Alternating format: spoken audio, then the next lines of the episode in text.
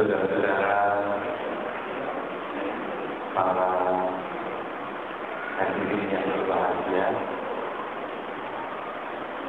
baru saja kita menyaksikan satu peristiwa penting yang sudah ditunggu-tunggu oleh semua pihak.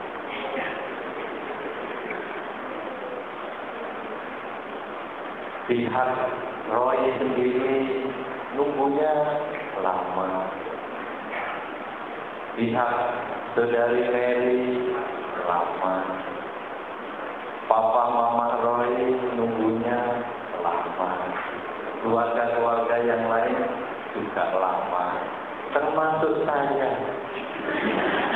Kok ya lama ini orang Ya, tetapi akhirnya peristiwa yang berbahagia ini datang juga. Oleh karena itu di dalam kesempatan yang pertama ini saya itu harus mengucapkan selamat menempuh hidup baru kepada saudara Roy dan saudari Mary.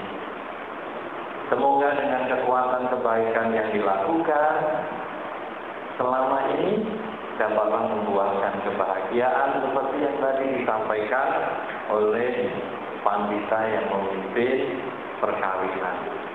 Semoga bisa bahagia di dalam kehidupan ini untuk waktu yang panjang.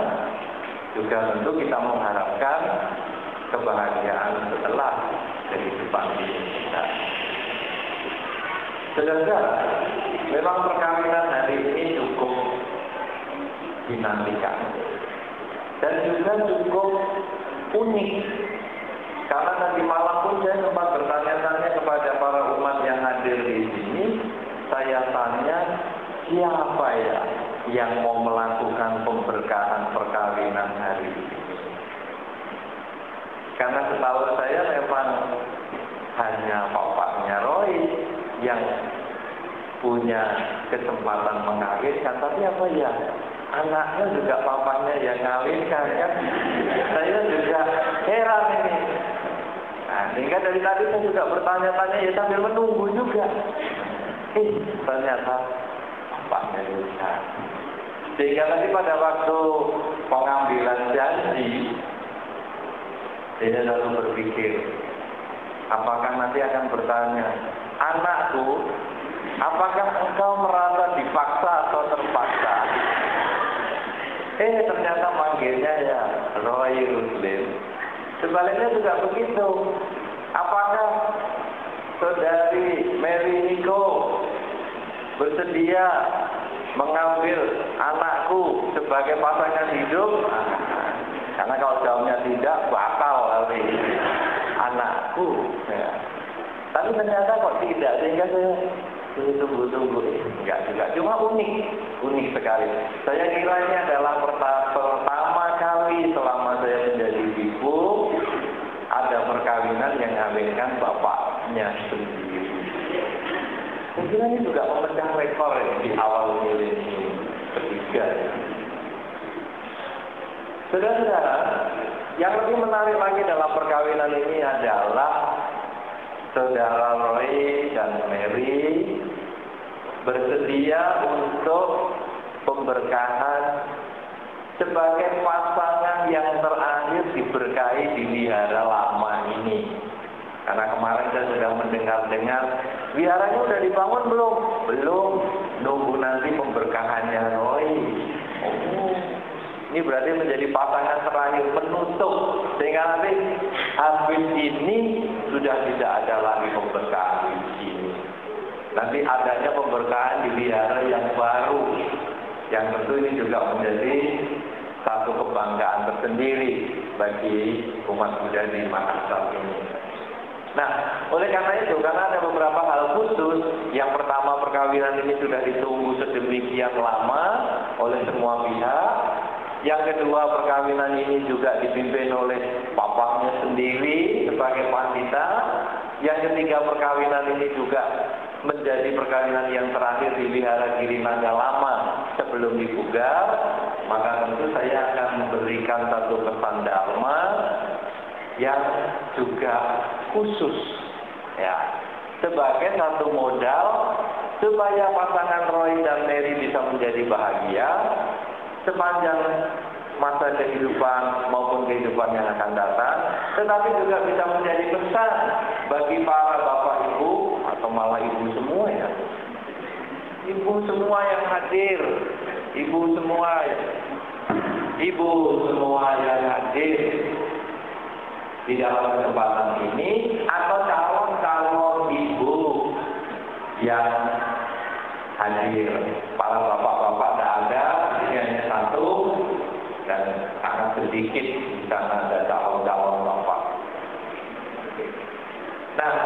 saudara, pesan apakah yang perlu saya sampaikan?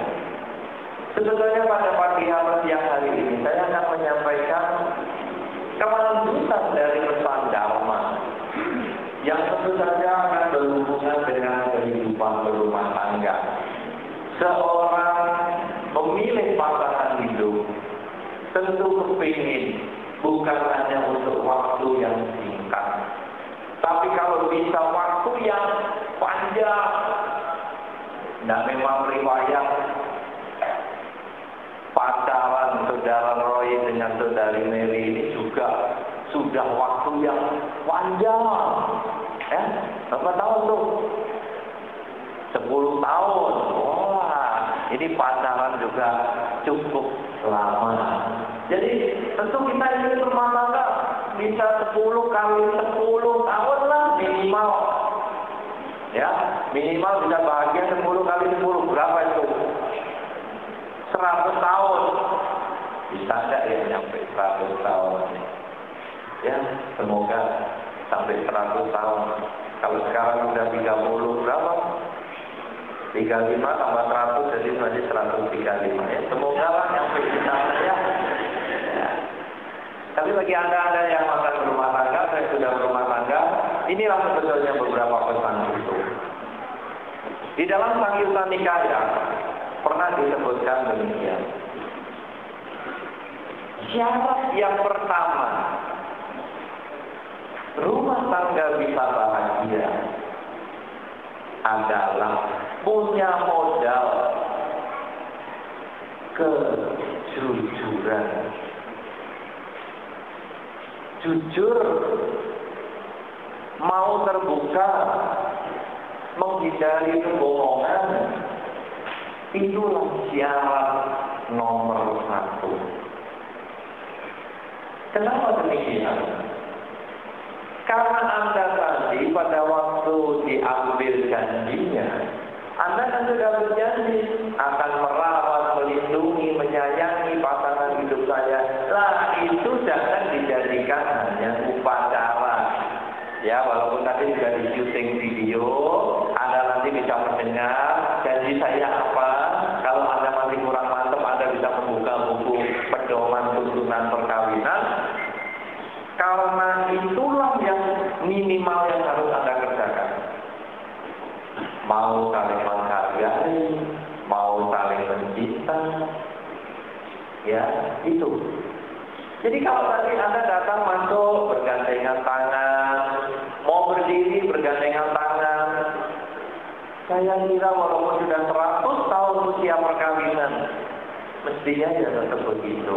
Ya tentu gandengannya sambil goyang-goyang, kan sudah tua, ya goyang-goyang begini. Tetapi itu mestinya tetap. Jadi jangan gandengannya hanya di tahun yang baru atau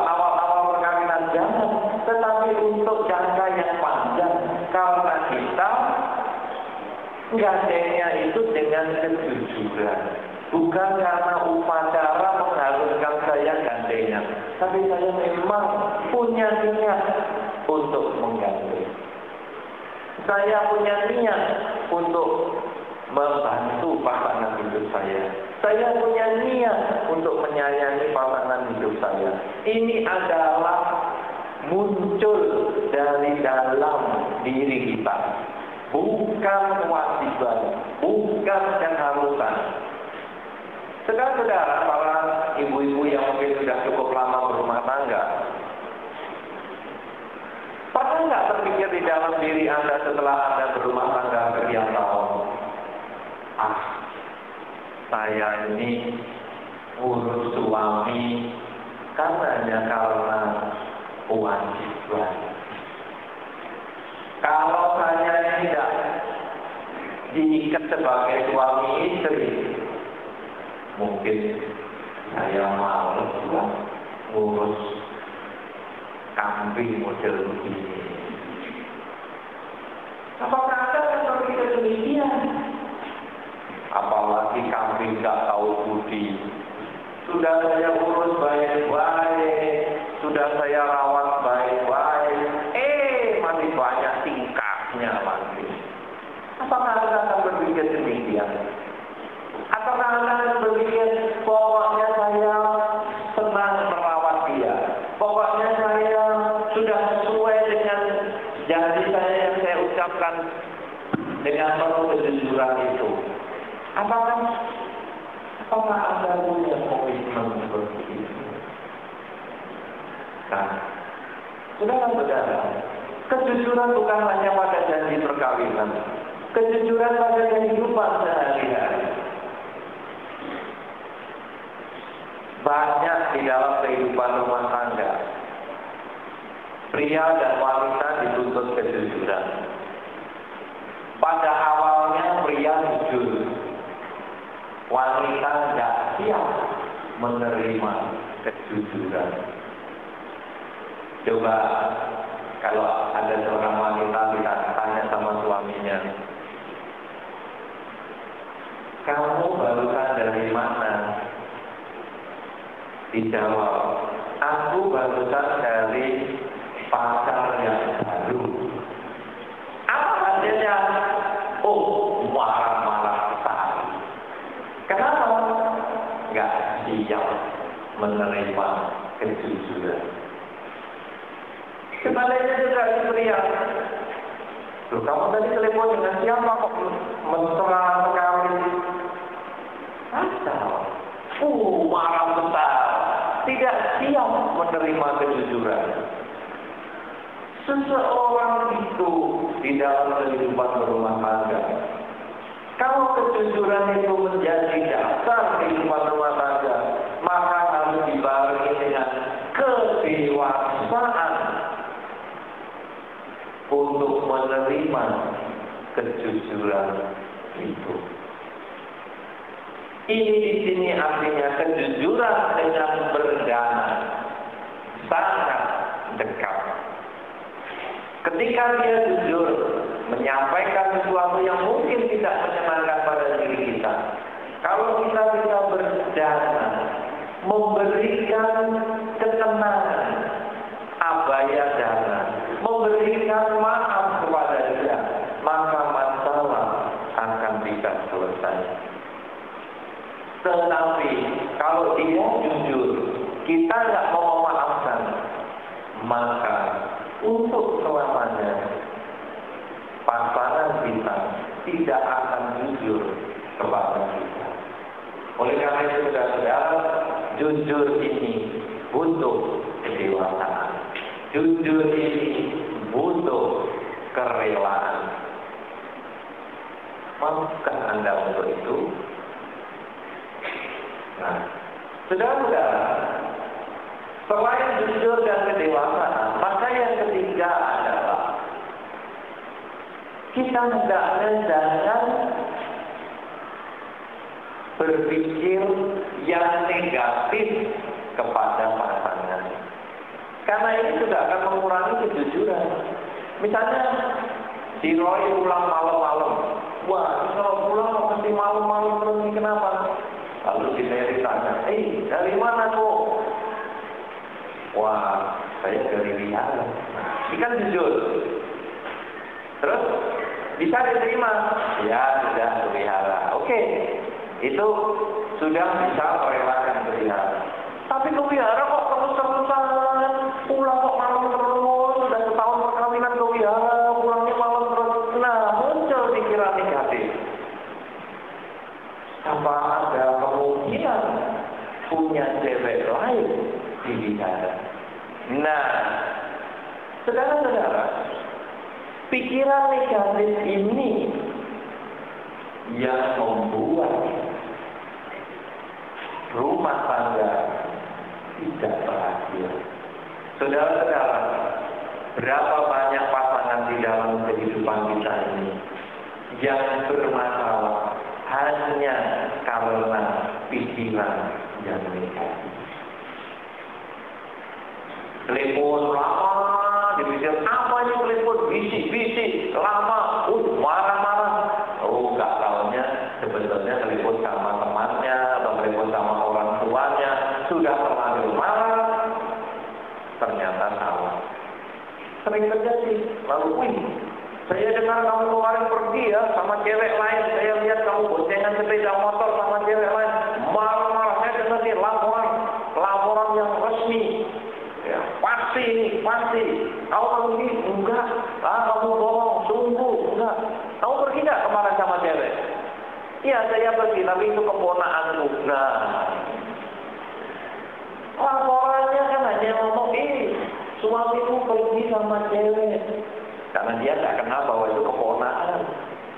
Lalu kita terima itu, langsung kita hajar. Kenapa? Karena kita punya pikiran yang negatif. Nah, kalau kita selalu punya pikiran yang negatif begitu, isinya curiga-curiga terus, maka akhirnya yang pertama dari pasangan kita jujur, menjadi tidak jujur lagi. Kita yang dulunya penuh keikhlasan, kita yang bisa menerima pasangan kita sebagaimana adanya, karena kita berpikir negatif itu hanya kita menuntut. Akhirnya rumah tangga pun tidak berhasil. Nah, saudara-saudara, sebaliknya mereka atau orang pasangan kita yang diduga, yang dipikir secara negatif, apakah modal dasarnya? Nah, modal untuk bertahan adalah kesabaran. Jadi, yang satu berpikir negatif, satunya harus sabar. Buktikan bahwa saya tidak sejelek yang kamu pikirkan. Buktikan bahwa saya tidak sebusuk, tidak sejahat yang kamu duga. Jadi, para bapak dan ibu di dalam kehidupan rumah tangga, kalau Anda diduga sesuatu yang negatif, itu normal, karena pasangan Anda punya pikiran yang negatif. Tetapi Anda jangan lalu mengatakan, aku tidak begitu, sungguh, sumpah, mati, apa. Tidak bisa. Anda buktikan dengan perilaku Anda. Tunjukkanlah bahwa Anda memang tidak demikian. Maka rumah tangga akan menjadi langgeng. Oleh karena itu, saudara, ada empat hal ini. Empat hal ini yang betul-betul kita bisa pakai. Dan ini memang ada di dalam Dharma. Bahwa nomor satu harus punya kejujuran. Bidang apa saja, Anda tidak jujur. Jangan pernah ada pepatah kuno mengatakan begini. Ibu-ibu harap tidak ketidur. Perempuan itu sebetulnya di dalam pepatah kuno dikatakan, sorry ya ibu-ibu, setelah saya katakan ibu-ibu ngeroyok saya ya. Apa yang dikatakan pepatah kuno? Wanita itu pencuri budiman. Tahu tidak maksudnya? Pencuri budiman. Jangan marah dulu, saya salah mana. Nah, aku, saya wanita, jadi pencuri, saya tersinggung nih. Ya. Pada perkawinan awal, ya perkawinan awal begini, kalau rumah tangga itu belum terlalu cukup ekonominya, maka sang wanita pulang ke rumah orang tuanya. Cerita-cerita sama bapak mamanya, cerita-cerita happy-happy. Nah, pulang kembali ke rumah suami sambil membawa sesuatu. Mas ini berasnya saya bawa ya mas di rumah nggak beras. Mas ini pancinya juga saya bawa ya. Kita belum punya panci. Ini kompornya juga kita bawa ya. Itu namanya ambil barang dari rumah, supply ke tempat suami. Ini pencuri tahap awal. Kan pencuri budiman, rumah tangganya kurang, ambil aja punya bapaknya, punya ibunya, ambil semua. Pernah ibu-ibu lakukan? Ya? Pernah nggak bu? Pernah? Wah, gak usah malu bu, itu normal. Nah, saudara-saudara, setelah perkawinan beberapa lama, misalnya 5-10 tahun, wah kondisi ekonomi kan sudah mantap di rumah tangga. Gantian. Eh, mamaku butuh uang, aku ambil ya punyamu. Kirim ke rumah orang tua. Duitmu kok banyak di kantong, ambil untuk papaku berobat. Apalagi lah ini namanya mencuri budiman.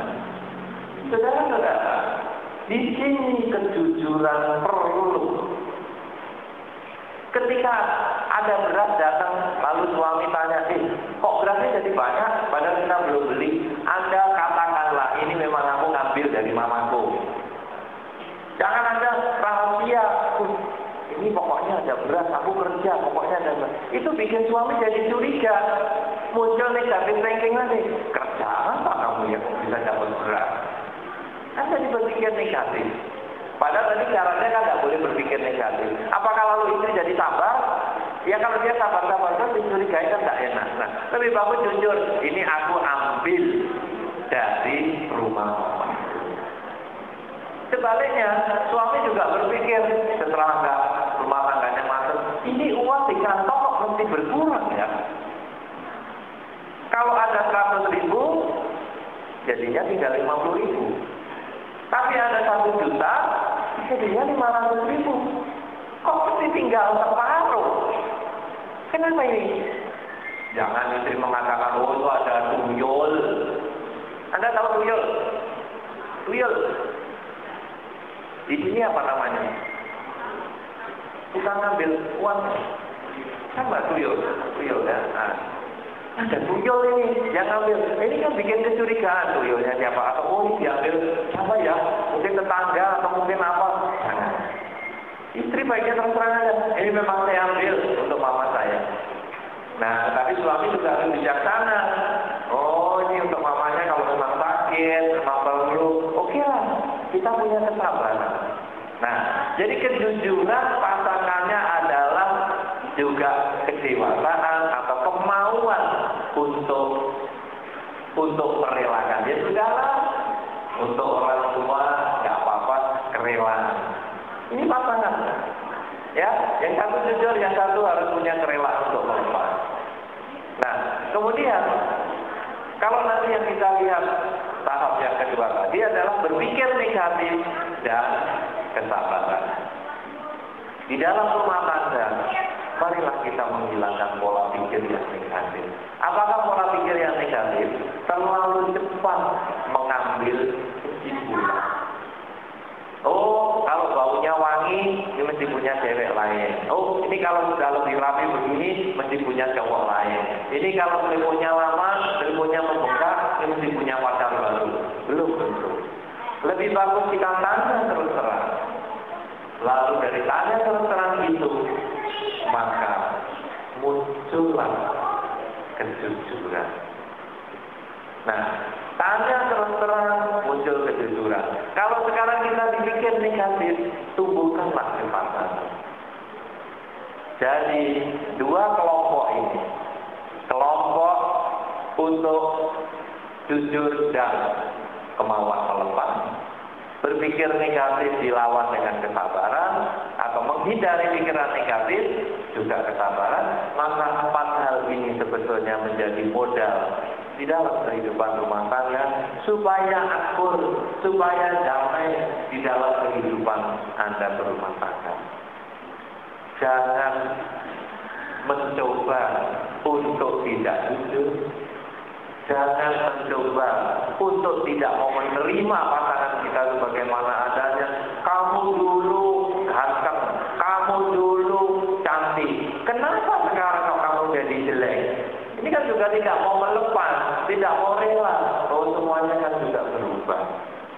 Nah, kemudian selain kita bisa punya kejujuran, kita juga punya kerelaan untuk melepas, jangan berpikir negatif, dan yang keempat adalah punya kesabaran. Empat hal inilah saudara sebetulnya yang menjadi pesan karma. Dan empat hal ini saja bukan hanya dilakukan oleh saudara Roy maupun saudari Mary yang hari ini berbahagia, tetapi juga hendaknya bisa dilaksanakan oleh semua orang yang hadir di sini. Karena dengan empat hal ini, bukan hanya rumah tangga bisa bahagia, hubungan suami dengan istri yang akur, hubungan orang tua dengan anak yang baik, tetapi juga bisa menjadi dasar hubungan antar pribadi di dalam masyarakat akan juga bisa menjadi baik. Oleh karena itu semoga dengan pesan Dharma yang singkat ini, Saudara Roy dan Saudari Mary akan mempunyai pegangan hidup. Sehingga akhirnya Anda berdua diberkahi secara budi. Bukan hanya sebagai upacara, tetapi jadikanlah ajaran Sang Buddha ini sebagai dasar untuk pedoman perilaku kehidupan Anda dalam rumah tangga. Paling tidak dengan empat hal yang tadi saya sebutkan akan menjadi pedoman untuk membina rumah tangga yang harmoni sehingga bisa menjadi papa dan mama yang bahagia di hari tua pun akan selalu berkumpul bebas dari percekcokan selalu harmoni dengan keluarganya selamat menempuh hidup baru saudara Roy dan saudari Mary. Selamat juga kepada keluarga besar, kedua keluarga besar. Karena hari ini Anda berdua, keluarga besar ini dipertemukan oleh dua pribadi yaitu saudara Roy dan saudari Mary. Ya, saudara Roy dan saudari Mary ini menjadi wakil keluarga yang besar masing-masing. Sehingga semua kebaikan yang dialami keluarga Roy dan Mary akan menjadi kebahagiaan untuk kedua keluarga besar. Sebaliknya problem di dalam rumah tangga Roy dan Mary juga akan menjadi problem yang besar untuk keluarga. Karena itu jagalah keharmonisan, kebahagiaan rumah tangga sehingga akan membanggakan keluarga Roy, membanggakan keluarga Mary, sehingga semuanya akan memperoleh kebahagiaan. Kepada kedua orang tua, jika saya mengucapkan selamat atas bersatunya kedua keluarga besar, kepada semua